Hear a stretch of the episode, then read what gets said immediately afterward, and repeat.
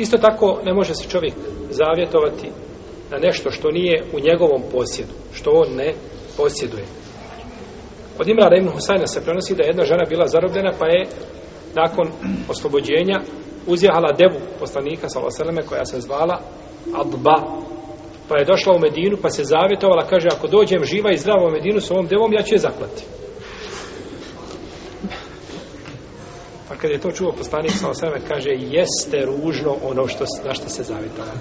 Prvo, kako je to dobročinstvo prema toj devi? A, dovukla te deva, znači, i ti ćeš je zaklat. Pa je rekao poslanik sa nema pokornosti u masijetu, u nepokornosti i ka, nema ispunjenja zavjeta u nepokornosti i nema, kaže, ispunjenja zavjeta u onome što čovjek ne posjeduje, što nije njegovo. A, nemaš, znači, Wallahi, ako mi se desi to i to, ovaj, ću komšinu auto. Pa to nije tvoje u osnovi. To je raspolaganje sa vlasništvom tuđim. Nemaš ti pravo, jel, da to da raspolažeš tim vlasništvom. Je tako?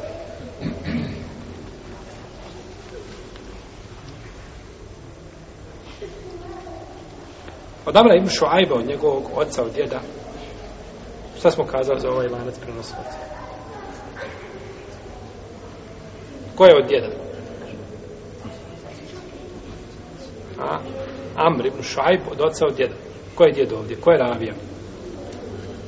Abdullah ibn Amr ibn Las. Ovaj lanac prenosilaca, ako je ispravan, ostali njegov dio kod hadijskih stručnjaka je dobar. Tako je šeha Albani išao tom, tim putem kada je ocjenjivao hadise, kada bi naišao na, na, lanac prenosilaca, jer ovo je poznato, kao, kao što je Malik od Nafi od Ibn Omara, je tako? Ovaj lanac prenosilaca je dobar. Kaže da je poslanik sa rekao, nema ispunjenja zavjeta u onome što čovjek ne posjeduje. Onome što čovjek ne posjeduje. No međutim, je li dužan da se iskupi?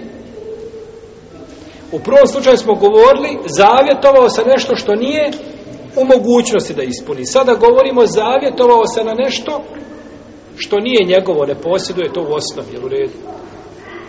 Je li dužan da se iskupi?